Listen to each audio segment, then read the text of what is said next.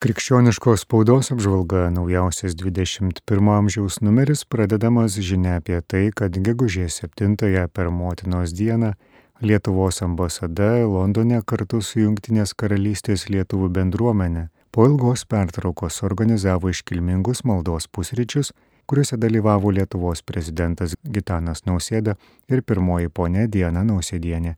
Renginio metu kalbėjęs Lietuvos vadovas teigia besidžiaugiantis, aktyvia Junktinės karalystės lietuvių bendruomenės veikla ir didelėmis pastangomis išsaugoti lietuvybę ir krikščioniškasis tradicijas.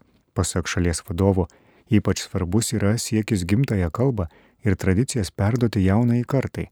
Renginio svečius dar sveikino Diena Nausėdienė, Lietuvos ambasadorius Junktinėje karalystėje Eitvidas Bajarūnas, Švento Kazimiero parapijos klebonas kunigas Petras Tverijonas, Lietuvių krikščionių bažnyčios pastorius Darius Ditkevičius.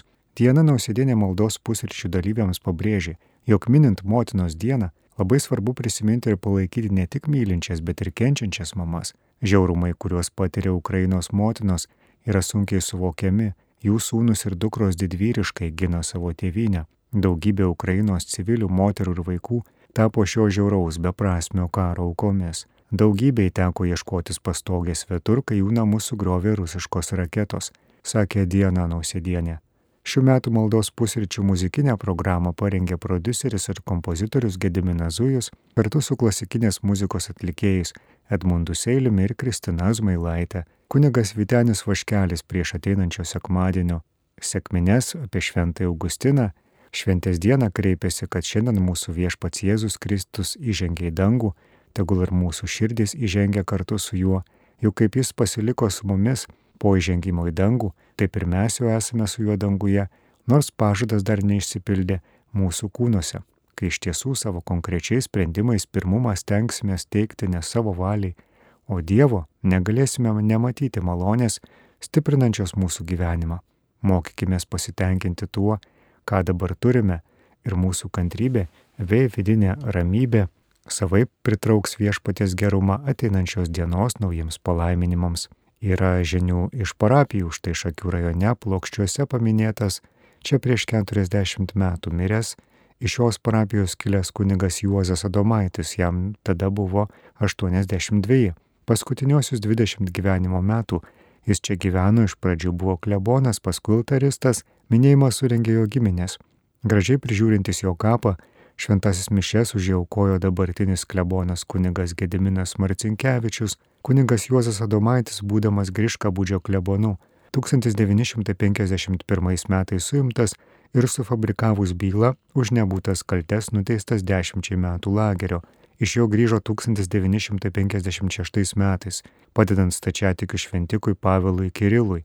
1974 metais jis pasirašė atsiminimus. Juos apžvelgusi parapijietė mokytoja Gražina Kazarian sakė, jog turime didžiuotis, kad kunigas nesutiko bendradarbiauti su sovietų saugumu, tikriausiai už tai ir buvo įkalintas, nors jį viliojo sakydami, kad vyskupas apie tai nieko nežinosias, o jei sutiksęs, būsęs viršesnis ir už vyskupą, bet jei nesutiksęs, būsęs sunaikintas, jis tvirtai atsakęs jokių būdų ne.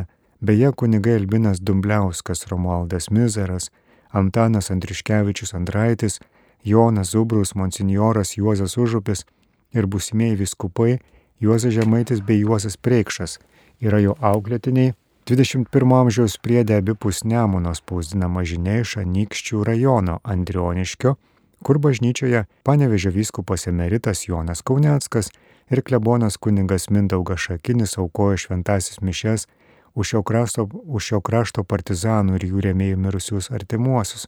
Kiekviename katalike spausdinamuose pamokslėliuose, kaip išpažinti atlikti, buvęs tverų klebonas kunigas Jonas Paliukas šį kartą samprotauja apie piknaudžiavimą išpažintimi. Atgailos sakramentas turi padėti panaikinti padarytasias nuodėmes, būti naudojamas geram, tačiau būna, kad ši labai mums naudinga save pagerinti priemonė naudojama priešingam dalykui - savo pabloginti. Tai būna todėl, kad jį įmama naudoti ne tam, kam yra skirta, arba įmama blogai ją naudotis Tai yra labai svarbu mūsų dvasiniam gyvenimui. Šie ir kiti įvairūs prasmingi straipsniai laikraštė 21 amžius pasirodysiančiam rytoj Apžvalgą parengė redakcija, perskaitė Andrius Sakalauskas.